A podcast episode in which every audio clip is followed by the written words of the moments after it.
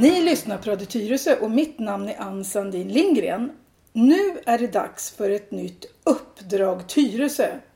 Thomas Martinsson, varför heter vårt program det? Mm, vi startade programmet just med utgångspunkt att vi ville ha någonting som på något sätt utgick ifrån Tyresö. Vad det nu var, allt ifrån politik, eh, polisen, vad som helst. Men det har en koppling till Tyresö. Ja, och varför ska vi hålla på med polissaker för? Förmodligen därför att jag är polis sedan lång tid tillbaka och kollegan här, Lars Alvarsjö, han eh, har varit polis ännu längre. Det var jag så kallad räv hos en gång i tiden redan från början. Så Ja. han besitter ännu mer erfarenhet än vad jag gör. För du har jobbat under en period i Tyresö som Ja, jag polis. Ja, det har jag gjort i tre och ett halvt, lite drygt här på, på närpolisen i Tyresö. Totalt 25 år. Men nu är du vad då? Eh, Jag är fortfarande polis och jag är utredare på jouren inne, inne i city, Södermalm. Eh, Det innebär kort och gott att de som grips eller tas in på polisstationen direkt utifrån möts upp utav utredare som fortsätter förhören så att de yttre personalen kan så fort som möjligt komma ut igen. Just det. Och nu har jag bjudit hit, som jag kan tycka, en av de mest kända poliser i Tyresö. Och det låter det. Ja. Lars Alvarsjö, eller Lasse. Vad, vad ska vi kalla dig? Lasse går alldeles utmärkt. Lasse går. Och varför jag säger att du är känd är för att först är du känd från den här radiokanalen då. Sen har du skrivit en stor debattartikel i Svenska Dagbladet. Och sen har du varit med på TV. Först var det Det var, först var det Danmarks eh, TV i ett nyhetsinslag om svensk polis. Och nu senast i norsk television. Ja. Och innan dess så var du på ett stort uppslag i Mitt i Tyresö. Under en rubrik som heter Tyresö är i princip helt övergivet av polisen. Hur kom det sig att du gick ut i Mitt i Tyresö? Ja, grunden är väl från början eh, lite grann de här radioinslagen vi har gjort. Eh, där vi har pratat mycket om lokalt polisarbete i Tyresö. Och sen eh, polisen omorganiseras för ja, ett och ett halvt år sedan snart. Så har ju tyvärr det lokala polisarbetet fått stryka på foten. Målsättningen var ju att man skulle öka antalet lokala poliser ute i kommunerna. Men tyvärr har det faktiskt blivit tvärtom. Ja. Och i, i, mitt i så stod det när man kunde läsa lite siffror att förut så arbetade 260 poliser i det här området. Alltså Nacka och Tyresö. Och nu är det bara 140. Stämmer det? Ja, de där siffrorna, jag kan inte, jag, jag känner inte till siffrorna men det låter ju rimligt. eh, Och det är ju siffror som mitt i Tyresö har begärt ut av polisen så jag förutsätter att de stämmer. Och, och du menar att det är fler och fler som slutar på polisen? Ja, situationen blir ju tyvärr värre för varje vecka som går nu. Utan folk ledsnar, man orkar inte med den här tunga arbetsbelastningen, de dåliga lönerna och eh, ja, dåliga ersättningar, OB-tillägg, eh, ersättning för helgarbete och så vidare. Och sen all övertid. Så att folk slutar. Är det, är det samma sak hos dig Thomas inne i stan? Ja, det, det, jag skulle vilja säga att det är generellt så över he, i, i hela landet. Eh, och eh, någonstans så är väl kanske storstäderna, om man jämför med landsbygden, långt ut i landsbygden, har ju... Nu, nu, nu vet jag inte riktigt, men jag ska inte säga att de har det bättre. Men det finns fler poliser i ett närområde, självklart i och med att stan, eller, som, eller det geografiska området, är mycket tätare. Eh, ta eh, inlandet i Norrland. Liksom. Där har du, har du kanske en patrull som ska täcka, alltså de får åka kanske tiotals mil, 10, 20, 30 mil på en repa så att säga. Men menar att det är värre ute i landet då? Jag ska inte säga, jag ska inte påstå att det är värre. Men jag tror att det kan bli mer kännbart kanske i landet om det drar ihop sig till ett krisläge. Om man behöver stöttning snabbt och så vidare. Då, då, det, det, det, finns inte snabbt att ta någon stöttning från om man är 25 mil ifrån stationen eller man åker har, någonstans. för även i land, ute i landet har man centraliserat polisresurserna till större orter. Så de Absolut. måste åka väldigt långt hela tiden. Jajamensan, de har ju lagt ner eh, närpolisstationer eller Lopon då, som det kallas idag där också för att då spara pengar. I det där cyniska som är att spara pengar. Och spara, spara pengar i sig, det, det, det är inte cyniskt i sig men man måste samtidigt göra det med någon slags, med, med någon slags förstånd. Och kanske göra det i, i samklang med, med resurser och så vidare så att man så sakteliga fasar in eller fasar ut det man vill komma till eller komma ifrån. Och så vidare. Så jag ska inte påstå att det är, att det värre ute i landet. Men när det krisar till, när det blir tufft så tror jag de har, så tror jag de har lite tuffare att få De känner sig backning. väldigt ensamma. Ja, det får backning. För här i Stockholm så finns det ju ändå folk liksom inne på stationer. Det finns ju folk ute, även om de inte inräknas in till själva, till själva ordningen eller IG-personalen. Nu, du pratade om när, när det blir ett skarpt läge. Ja, när man, behöver, när, man. Mm. när man behöver stöttning. När man behöver stöttning snabbt. Okej. Folk är lika trötta. Det här är ju samma arbetsvillkor. Liksom så här. Så att det, är, det är ju som inte det. Man lider ju lika mycket av dåliga arbetsvillkor, löner eh, och så vidare här i storstäderna, Stockholm, som man gör ute i landet. Så Mm. att proble- problematiken är densamma, skulle jag säga, över hela landet. Men, men Lasse, du sa i något tidigare program där att det aldrig varit värre än nu. Nej, jag upplever det som att eh, vi har passerat någon gräns här nu. Där det blir värre och värre för varje vecka som går. Och den här ekvationen, den, man behöver inte vara överintelligent för att förstå att den, den kommer inte att hålla. Tala om vad är ditt jobb? Eh, jag jobbar som stationsbefäl och förundersökningsledare i Stockholm syd. Och är placerad på polishuset i Flemingsberg. Vad är ett stationsbefäl? Då ansvarar man för alla akuta ärenden. Du ansvarar för eh, arrestverksamheten och du är även arbetsledare för den personal som finns inne på station. Vet du, I artikeln i Mitt i Tyresö så stod det bland annat så här. Antal anmälda narkotikabrott i Tyresö har exempelvis minskat med 34 procent. Nu fattar man ingenting. Det är färre poliser i Tyresö och då minskar antal brott, eller? Ja, och det är resultatet. Det är ju de här egeninitierade ärendena eh, som poliser ute på fältet upptäckte innan. Och det är klart, finns det inga poliser ute som kan jobba med riktad verksamhet, ja då upptäcker man ju inga brott heller. Så att, Så det är inte brotten som, i sig som har minskat. nej, definitivt inte. Utan Det är fin- anmälda brott. Ja, det finns inga poliser som upptäcker dem. Det är, där har du problemet. Ja, Men är inte det lite läskigt då? För då visar statistiken att tack vare eller på grund av att vi fått färre poliser i Tyresö så ser statistiken bättre ut. Jag, jag tycker det är lite, alltså det tangerar lite grann slarvig journalistik. Lite grann. Om man är ute efter, om man är ute efter att ta reda på någonting. Men det, i och för sig, de skrev det. De skrev också att det här berodde på det. Så de talar om att färre poliser gör att man anmäler färre brott. Okej, ja. Ja, så det okej, stod då, i och för sig Ja, men då, då, då är det bra. För jag har inte läst, jag, jag har inte läst hela artikeln så, så pass då.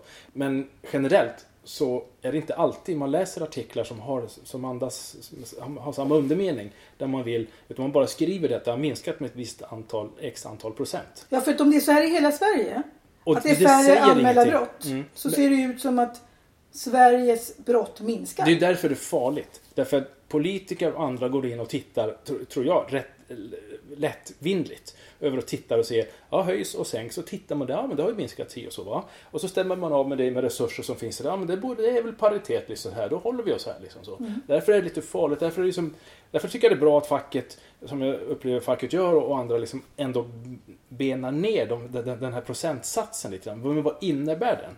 Innebär det att det är på grund av det här eller det här? Och det måste man göra ifall man liksom ska få en tydlig bild av vad procenten vill säga. I det här fallet så håller jag med Lasse helt, helt, helt klart. Ja, för det läskiga är ju att idag styr man allting på siffror. Mm. Statistik är det som man går på.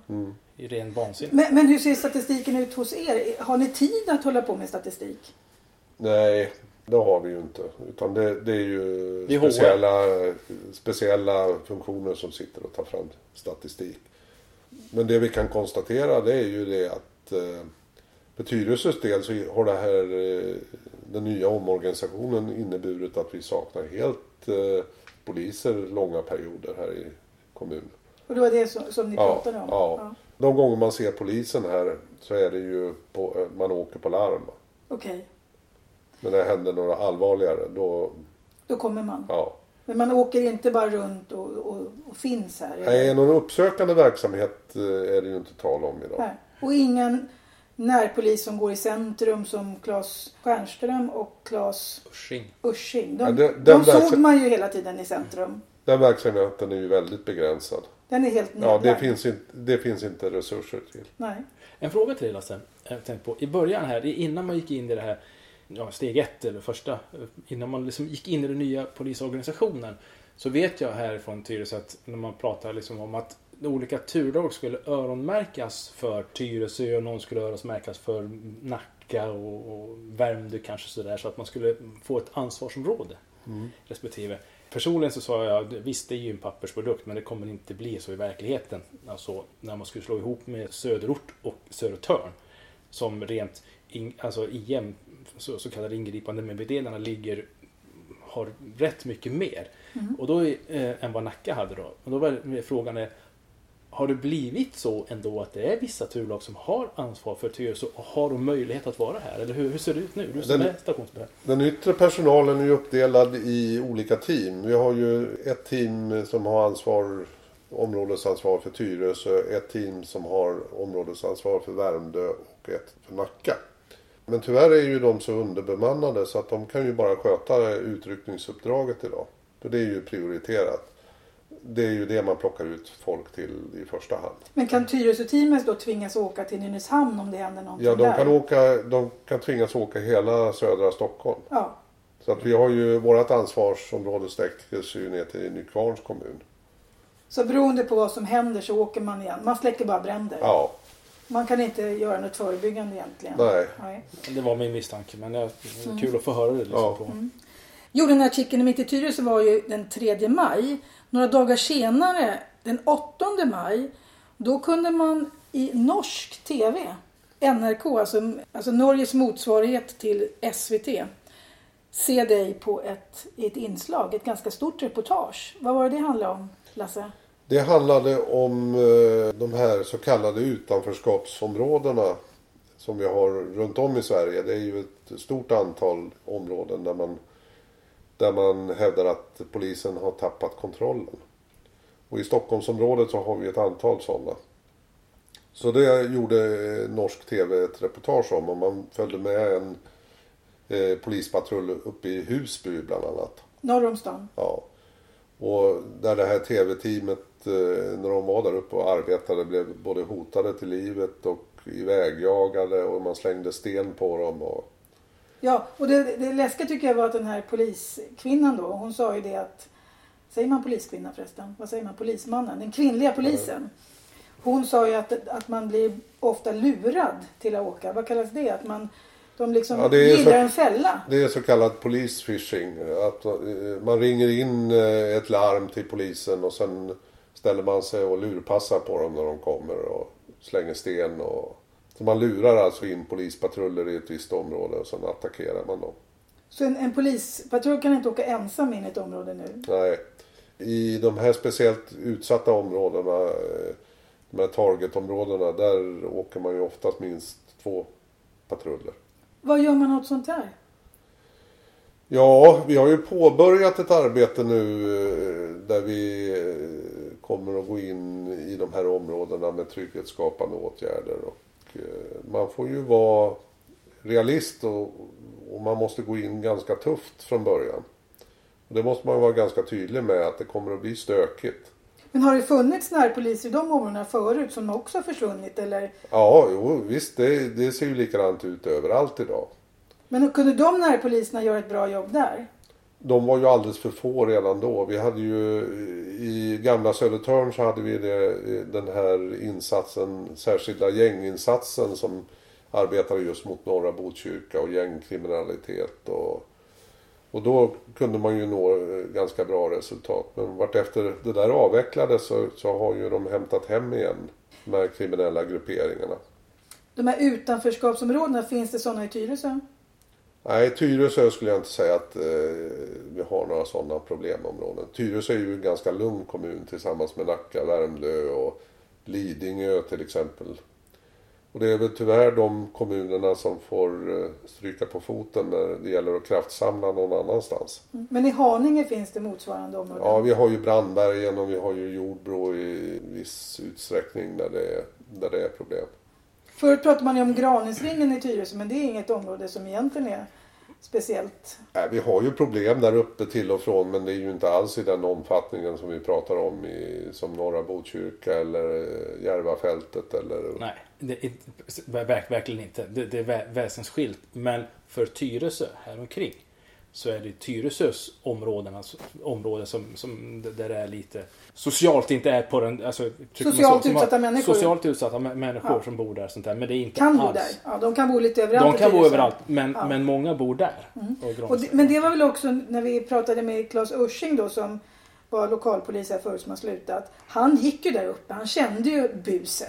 Mm. Eller de här eh, grabbarna. Och det var, det var vi flera som gjorde. Ja. Ursing var väl den sen som, som, som verkligen hade det som roll. Medan vi andra på Närpot, vi hade andra åtaganden också. Närpot, närpolisen. Närpolisen, förlåt. Mm. Ja, l- eh, precis, Lopot idag. Åtaganden om att, Lokalpolisen. lokalpolisområdet och åtaganden att stötta och hjälpa eh, ordningen i viss Mm. mån framförallt i Tyresö då.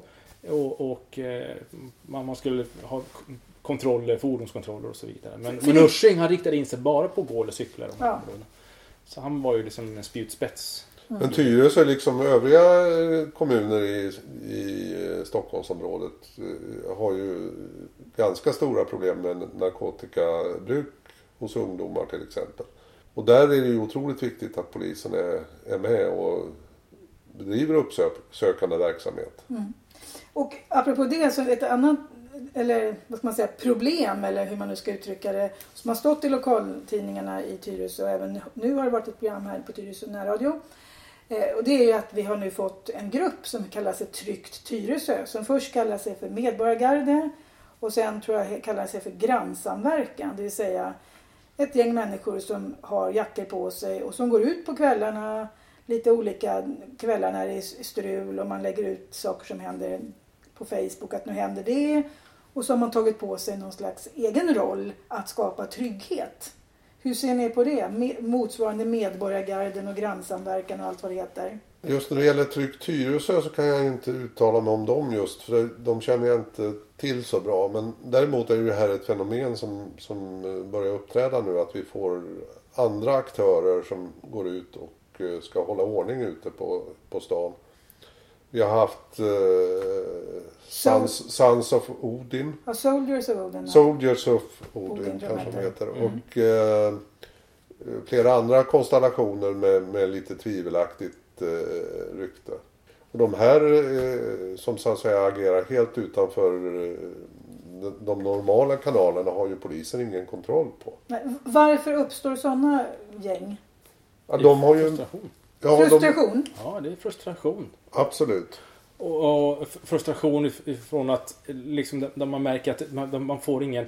Eh, om, om det händer, saker händer och så vidare så kommer inte polisen. Och man, man, får liksom, man, man känner inte att man har en, en stöttning och ett stöd ifrån de samhälleliga aktörer som, som, är, som är satta att värna människors trygghet och säkerhet. Och när vi misslyckas med att fylla vår roll brist på resurser och så vidare. Det kan inte vi gå och hävda hela tiden vi har. Utan det, det är bara att se till att ordna de här. Om vi på något sätt ska fortfarande bära fanan av att vi ska vara de de- demokratis, de- demokratiska eh, alltså, de de demokratiska riddarna om, jag uttrycker mig så. Det, vi, kan, liksom, det, det går inte att skylla på resursbrist i, i långa loppet för då hamnar vi i en sån här situation. Jag, jag har inte heller hört talas om eh, Trygga Tyresö eller vad, vad de heter. Så det, det, har jag inte. Men jag har en liten en sak där som jag skulle, vilja flika in. Är det så att man som grupp eller samlas ute och rör sig på kvällar eller på ställen där man vet liksom att det kan hända någonting och har för avsikt att därigenom att bara, nej, ja, nej, bara vistas och finnas där för att på så sätt förhindra brott att brott sker. Och sker det att man ringer in till polisen och liksom på något sätt är, att man är behjälplig. Då ser jag inte att det är något konstigt eller att det är någon fara med det. För Man har, att man har jackor på sig. det är De som här föräldravand, gängen har- det är som Ja. skolorna har för- för- föräldravandrar, jackor eller vad man nu har. Men att man inte har för avsikt att man ska gå in, ha för avsikt att du ska gå in att du ska börja ta över Polisens rollen arbete. som, Mm. som rättsskipare i det här. Va, och göra det. Där är vi, då, där börjar vi bli genast farligt Mm. ute. Och den gränsen är väldigt lätt att gå över när det finns en frustration över att ingen kommer. Ja. Men, men det har ju funnits det här med gr- grannsamverkan. Det är väl någonting som polisen själva har uppmuntrat. Det är väl liksom, vad jag fattar det som så sätter man upp skyltar. Här håller vi på med grannsamverkan. Och så har man liksom ihop med polisen blivit Det är, inriktat- mot inbrott. Ja. Och hålla utkik på varandras hus och hem. Men det är ju en helt annan typ av verksamhet. Mm. Eh, Den leds ju och Man har ett samarbete med polisen. Man har ett annat samarbete med polisen ja. I, i, I det här läget så har man ju ett vakuum i, i området som, som man har upptäckt och som man utnyttjar ja. från olika grupperingar. Men men jag tänkte så här föräldravandrare och sånt, för det var ju också sånt när, när mina barn var små. Då blev vi uppmuntrade av polisen som kom till skolan när barnen var små att ni ska ut och föräldravandra. Så sa de, fick man anmäla sig på något schema och så fick man hämta jackor och så fick man föräldravandra. Och sen fanns det ju Nattvandraren som en egen organisation som också har jobbat ihop med polisen vad jag fattar det som. Så det har ju funnits sådana här, liksom, vad ska man säga, eh, olika organisationer som på något sätt har jobbat tillsammans med polisen. Därför ska man ju vara lite, kan det vara lite taktfullt att vara lite försiktig med att benämna alla grupperingar med automatik som medborgargarden Ja. utifrån ett, en nega, som, som en negativ klang. För medborgargarde är, är, det är liksom när medborgarna själva hittar på att de ska ut och leka Ja, polis. när man ska ta lagen i egna händer. Ja. Så har syftet, eller så har, så har liksom, så, så tolkar man medborgargarden liksom så för att, eh, att genom, eh, genom åren att det har blivit så. Mm. Men om man, de här Tryggt Tyresö, om, om man nu har massa människor som vill vara ute och visa, man själv kanske utifrån den gruppen ringer in till polisen och säger att nu är vi ute, jag är representant för Trygga Ty- Tyresö. Mm. Vi ringer till er därför att vi vill att ni ska veta att vi är ute. Vi finns här, här och här. Eh, vi ser så många, det här telefonnummer ni kan nå Mm. Ja, oss. för det är väl Då, också- där, finns det någon slags en seriositet Ja. i, i det hela. Liksom, För som- det är väl egentligen det man gör när man har ett sånt här Mm. eh, föräldravandra. Att man talar om att ikväll är, kommer vi vara vid Alby och vi ringer om det händer någonting. Är det så man gör? Om man, Ja så att man på något sätt har en bra kontakt. Nu, nu behöver vi inte prata om Tryggt Tyresö för ingen av oss kan speciellt mycket om det. För att eh, även då vår kommunpolis Kenny Bungs hade sagt att eh, när de gjorde en artikel om det här i Mitt i Tyresö att det här var ju ett, problemet är att det inte är tillräckligt mycket poliser på plats. Några andra saker som har kommit upp i vår lokaltidning det är de här engelsktalande personer som erbjuder hantverkstjänster som man varnar för. Vad är det? Ja, det är ju så kallade hantverkare från eh, Irland eller Storbritannien som kommer hit eh, under sommartid och erbjuder hantverkstjänster. Det är asfaltläggning och plattsättning och diverse annat. Oftast är det ju så att de som anlitar de här, de blir ju lurade. Hur De, blir de lurade då? de gör ju, i vissa fall gör de inte färdigt jobbet och i andra fall så blir det dåligt utfört. Men, Vi har men- men- jättestora problem med, med just de här grupperingarna. Men betalning tar, kräver man in. Ja. Då, då kommer man tillbaka och ska ha pengar och hotar och lite sådana här saker. För, för vissa kan. För, för det har man ju sett ibland om man åkt förbi Flatenbadet. Att de har stått där med husvagnar och stora bilar och det skräpat ner. Och nu stod det väl i tidningen att de har varit vid var det Tyresta by. Mm.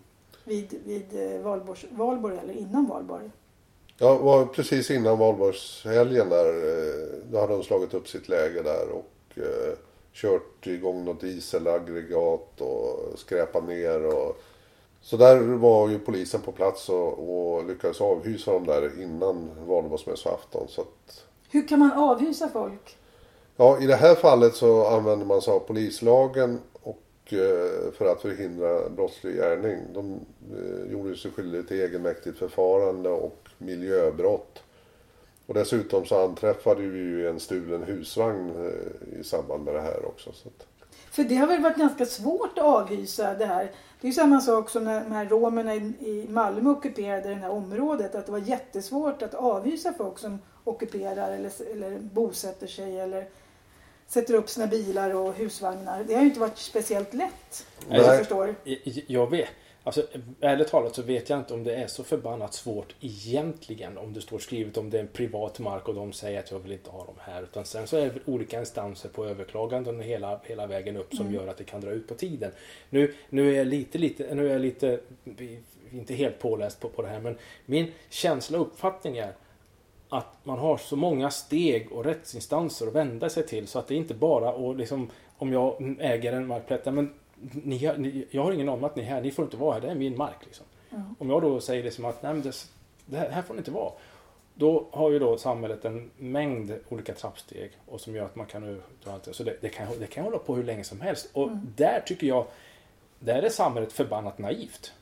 Alltså, ri- alltså riktigt, alltså, jag, jag kan känna jag, jag kan bli förbannad. För Över att, vi, att, att det är så na- naivt. Vid Flaten är så uppenbart om man åker den vägen. Vi Ja. åkte den vägen varje dag eh, för att min man åkte den vägen till jobbet. Så att han skjutsade mig och släppte av mig vid Sköndal så att jag gick på bussen där. Så då åkte vi förbi Flatenbadet varje... Och varenda år så kom de och de stökade ner någonting otroligt Ja, det där. ser hemskt ut eh, när de har farit fram. Ja. Och det här har ju som du säger, det har ju pågått ganska många år nu. Många år. Och det är märkligt att lagstiftarna inte kan ändra eh, lagen så att man har möjlighet att avhysa de här direkt. Verkligen. Och att, eh, för vi måste komma till bukt med, med, med det här problemet för de kommer tillbaka varje år. Och det är massor med folk som blir brottsoffer som blir lidande. Hur, hur kan folk eh, bli lurade av de här? För det har ju stått så väldigt mycket i tidningarna om just att det är... Ja, eh, nu på slutet här är, är det väl många som är medvetna om de här. Men då har det ju hänt att de har börjat eh, ha sönder fastigheter. Man har klättrat upp på tak hemma hos äldre och kastat ner eh, tegelpannor och så vidare. Och sen kräver de då betalning för att återställa. Jaha, man gör sådana saker. Men, men, men såna här uppenbara brott, tycker jag då, är inte, är, inte om jag, om jag skulle ställa min bil och bara börja förstöra saker runt omkring mig så skulle jag åka fast ganska snabbt. Hur kan det komma sig att man inte eh, åker fast för det?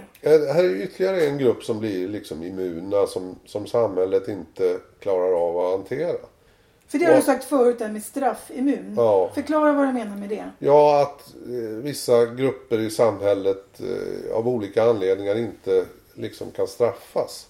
Man, antingen begår man så mycket brott så att samhället inte klarar av att hantera mängden. Eller också som i det här fallet då att det är, det är juridiska spetsfundigheter som gör att man inte kan eh, liksom via lagstiftningen bli av med den eh, snabbt. Och ska jag göra till med press och media. Som pumpar ut en bild liksom som, som slår klorna i någonting. Så, så här kan man inte göra. Och då blir det till slut sen att då blir både polis i valda delar, åklagare i valda delar. Man blir så här, rädd. Man blir rädd. Man, man blir osäker på, Får osäker man på hur man ska... Ja, fast man egentligen vet att man får dem. Det, det, finns, det finns förordningar allting som tä- täcker in det här. Man, även om man är EU-medborgare och man sitter och, och, och, och, tigger och, och så vidare. Så, Mm. Men att få vara här ni- ni- i 90 liksom dagar. Liksom. Man ska Mm. ha arbetsintyg och sådana saker. Det, det finns. Och har du barn som bara som inte går i skolan här som springer vind för våg. Ja men då socialtjänstlagen säger att de, de, de, de kan gå in och omhänderta om man skulle vilja. Precis, men man törs inte riktigt det därför att man tycker att det är lite Det är svårt. Ja, det är svårt. Och sen så då dundrar då pressen och de sådana som, är, som har ett syfte med att skriva och attackera det. Liksom så här. Och då skapar man en situation där man inte agerar och det gynnar inte någon. Mm. Alla är förlorare. För, för det här är också, måste, tycker jag, ett dilemma eh, om man är polis. För att eh, vi har diskuterat förut det här med eh, utlänningslagen till exempel. Mm. När, när man för några år sedan skulle kolla om folk hade, eller var papperslösa inte hade rätt att stanna i Sverige. Och då gjorde polisen en massa eh, liksom, razzior ner i tunnelbanan. Och det var man ju, fick man ju jättemycket pisk på. Att man frågade människor med en annan hudfärg eller som såg ut som om de inte kom från Sverige. Om de skulle visa pass eller lägg eller någonting sånt. Nu kräver ju regeringen att vi ska utvisa 80 000 människor som är olovligen eller inte har fått okej på sina uppehållstillstånd. Hur ska det gå till? Liksom? Hur, hur ska ni göra för att hitta alla dessa människor? Och hur, våg, hur ska ni liksom... Hur gör man som polis för att det här ska fungera? Hur får man ut människor? Som, Och dessutom, förutom de här 80 000 så har vi ju ett ganska stort antal som befinner sig i Sverige som, som vi inte känner till överhuvudtaget. Som inte är anmälda som asylsökande eller... ja, för förut var ju gränserna totalt öppna. Ja. Man kunde ta sig hit utan att, göra, utan att anmäla sig. Ja. Så hur, hur, hur vi ska spåra upp de här och eh, verkställa dem. Det, kommer att bli en utmaning. Om man då läser lite grann, det finns ju väldigt mycket artiklar om sånt här nu. Eh, Det finns ju en massa konstiga sidor på nätet men det finns ju också vanliga Eh, alltså debattartiklar som handlar om till exempel det här med att människor kan alltså gå in och anmäla sig, söka asyl och få en identitet. Och sen kan man gå dit en gång till och anmäla sig så man får fler identiteter. Så att man kan ju ska, i och med att man inte talat om Hur kan det gå till? Ja, alltså vi, vi, måste, vi, måste ju också se oss... Polisen är en del utav i ett säga, stort politiskt koncept här. Vi får ju i knät det politikerna inte klarar av att hantera Ja. på ett bra sätt. Och sen så är vi då tillsatta att vi ska se till att liksom städa och hålla, hå- hålla ordning och upprätthålla det som man inte har tagit tag i. Det är därför någonstans i förlängningen vi har sådana områden som Husby, Akalla, Norra Botkyrka och allting. Det, det, det kommer inte på oss. Det kan inte polisen styra upp och göra någonting åt. Utan det är någonting som på, på sikt man måste rent politiskt komma åt problematik som skapar frustrationen i området. Det, det, det har ingenting på oss att göra. Så det är lite grann oschysst att utifrån att, att inte riktigt göra någonting eller ta tag i det i alla fall. Åtminstone inte upp, som, som jag kan uppleva mycket av det. Sen så ska vi in och hantera det och vi får ta väldigt mycket stryk i de här områdena. Nu ska jag inte vi för att jag har, jag har jobbat i de områdena förut. Va? Men inte nu idag, längre. nej, men inte nu längre och det är värre idag.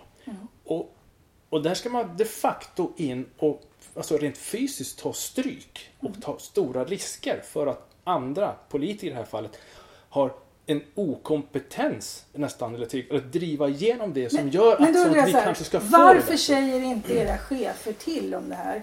Därför att då, då, både du och jag Thomas som har varit aktiva politiskt vet ju att politiker lyssnar på tjänstemän. Och tjänstemän måste berätta om hur det är. Därför att det, det filtreras upp Ja. längs De som sitter och berättar till slutligen upp till politikerna har det, det, det är ett filter ifrån, ifrån, ifrån markplan upp, upp, till, upp till de politiker som har att, har, har att fatta avgörandet. Men de måste, tycker jag, kunna fatta att, fatta att det är ett filtrerande längs vägen upp. För de som sitter emellan har ett egenintresse också på sin position. Men det här, är, Så- det alltså här, är, det här det- tycker jag är jättekonstigt egentligen. För att alla förlorar vi på det här. Ja, det här är ju ett samhällsproblem och eh, idag kan man ju inte hävda att man, man liksom inte känner till hur det ser ut. Nej, man kan inte säga det. Eh, så den här strutsmentaliteten som man tyvärr håller på med idag. Att man, Håller man fortfarande på med den, Ja, man försöker låtsas som att problemet inte finns. Det ser vi ju på de uteblivna reaktionerna på alla skriverier och tv-inslag runt om utanför Sverige. Ja, precis. Du har blivit intervjuad av dansk TV, av norsk TV och det har skrivits väldigt många artiklar i en massa andra länder. Har, har, du, har svensk TV intervjuat dig? Nej, eh, överhuvudtaget svensk media är totalt ointresserad av att ta upp de här problemen. Vilket jag tycker är konstigt. Ja, När det har väckt så stor uppmärksamhet utomlands. ja. Det är faktiskt. Apropå när, när vi pratar om det här med våra, roms, våra romer eller våra EU-immigranter som man kallar dem för. Nu när man måste visa lägg för att komma till Sverige, eller man kan inte komma hit längre bara rakt in. Hur kommer de till Sverige nu? Om de åker tillbaka? Ja, men eh, inom EU är det ju fri rörlighet. Exakt, det är tre, det är de, precis, det är- de, går, de, är, de är med i EU och då har du ju fri rörlighet. Då får du, då Men får du man- röra de behöver inte visa. I, I 90 dagar. Ja, i 90 dagar. Sen så ska du ju liksom... Men, de, men måste inte alla visa Ja, du ska ju ha en godkänd ID-handling. handling när du åker in i Sverige? Ja, måste du ha det. Ja. Men, Så de har, de har också godkända ID-handlingar? eh, Förut så behövde man ju inte det. Förut Nej. kunde man ju komma åkande som hur som Nej, helst. alltså ID-handlingar tror jag inte är något problem för dem att visa upp. Nej, okej. Nej. nej, det- nej, det upplever jag inte heller. För det, det är flera som fiskar upp det som kommer in på, som tas in i, olika sammanhang. Då har de ett rumänskt eh, i, ID-kort och giltigheten är det. Det, det, det är däremot Men, någonting men hur annat. mäter man? De får vara här tre månader. Mm. Hur registreras det? Nej, det är ju, Det är det, är ju ett problem i och med att man inte registrerar sig eh, man reser in. Man Nej. kan ju komma in i Sverige på olika sätt och, som, Men- i, som inte dokumenteras. Eh, Så då får man ju gå på den uppgiften som de själva lämnar. Kan, Alternativt att om man nu exempelvis vid ett ingripande exempelvis då. Som man har, de kanske tar sig in för snatteri eller på något sätt kommer in. Då har man det, det datumet. Okej. Om ett, ifrån när de har tagit sig in. Ja, men Okej. okej, du rapporteras för polis för det här datumet och då får man väl räkna från det datumet. Mm. Så, men det är ett Men, problem. men jag förstår ju överhuvudtaget inte den här uppgiften som polisen står inför nu. Man ska liksom få ut alla dessa människor som inte har fått permanent uppehållstillstånd eller som vistas här olovligen och allt det här. Det, jag förstår inte hur det här ska gå till. Nej, Förklara mig för mig som inte förstår. Det kommer att ta lång tid. det kommer att ta väldigt lång tid och krävas stora resurser. Och det kommer naturligtvis kosta väldigt mycket pengar. Ser, verkar det som att ni får mer resurser polisen? För det, politikerna på riksplan verkar överens om att ni ska ha mer resurser. Ja, det är mycket snack med liten verkstad. Så kan man väl sammanfatta det. Det här programmet, den här gången lyckas vi inte få någon sån här positiv knorr på slutet. Har vi någonting positivt att komma med här innan vi... Nej, jag, kan, jag, jag kan säga så här att jag har förstått att det är väldigt många som lyssnar på det här programmet. Eh, bland annat så har jag en granne på landet som, som meddelade att hon, ja, hon, när hon inte kan sova på nätterna så ligger hon och lyssnar på det här. Och jag vet inte hur jag ska tolka det, om jag ska tolka det positivt eller negativt om hon somnar. Men Kerstin, om du nu lyssnar så hoppas jag att du fortfarande är vaken. Bra sagt. Jag, Ja. jag, jag, jag, har, och jag, jag, vet, jag kan inte säga att det är speciellt positivt, eller det vet jag inte om det är positivt eller negativt, men jag, jag tycker att vi har verktyg för eh, utlänningslagen och eh, eh, polislagen och så, och så vidare. Och så vidare. Och det här när man står i, i, i tunnelbanan, vid, vid spärrarna, och, och vänta, jag, jag kan inte för mitt liv, jag, i alla fall inte jag personligen kan inte för mitt liv inse, jag, jag, tycker det är ett alldeles ypperligt ställe att stå på. När, som, Ja. när, när Lasse pratar om att vi är X antal, jag vet inte om jag läste en siffra, jag vet inte om det var, det var många tusen. Nu kanske jag så fel om det var 10 20 000, jag, jag, vet inte riktigt, men många som, som, som så här, som har fått ett nej, de har fått sin, sin alltså, alltså, saken prövad och de har fått ett nej. Det finns internationella regler som Mm. Ja. gör upp om hur, hur, hur, hur det ska vara när man Ja. kommer emellan. Det, det, det finns förordningar och lagar och förordningar som, som styr det hela. Men man följer Och när inte. man, nej, precis. När man är här i Sverige så de flesta övertar sig någonstans fram och tillbaka. Och i Stockholm så är tunnelbanan det medlet. Ja. Så ett ypperligt ställe att titta på och se om vi nu ska göra allvar med att försöka få, få fatt i de här som inte har rätt att vara här. Mm. Så att mm, jag kan tycka att det är helt korrekt. Ett alldeles ypperligt ställe att välja på. Det är, min, det, det är min personliga åsikt. Ett, bara som en positiv grej på slutet här. Vi har eh, härom, vi som bor här i eh, mellan Bollmora och Trollbäcken. Vi hade polishelikoptrar hovrandes över oss för några veckor sedan, eller en vecka sedan. Eh, och då var det ju faktiskt så att det var ett polisingripande där man grep en eh, ung kille som hade våldtagit en tjej. Och då, gick det ut, då kom det ut på nätet massa sådana här Polisen levererar eller Heja polisen. För då, det var ju liksom, hur gick det till? Ja, det där var ju en, eh, en händelse, en överfallsvåldtäkt där en ung tjej blev eh, ja, våldtagen i Trollbäcken. Och, eh, där lyckas man ju gripa gärningsmannen när han försökte fly från platsen. Och man använde värmekameror för att... Ja, vi har ju fått de nya polishelikoptrarna som, som är ju en positiv grej med, med senaste tekniken.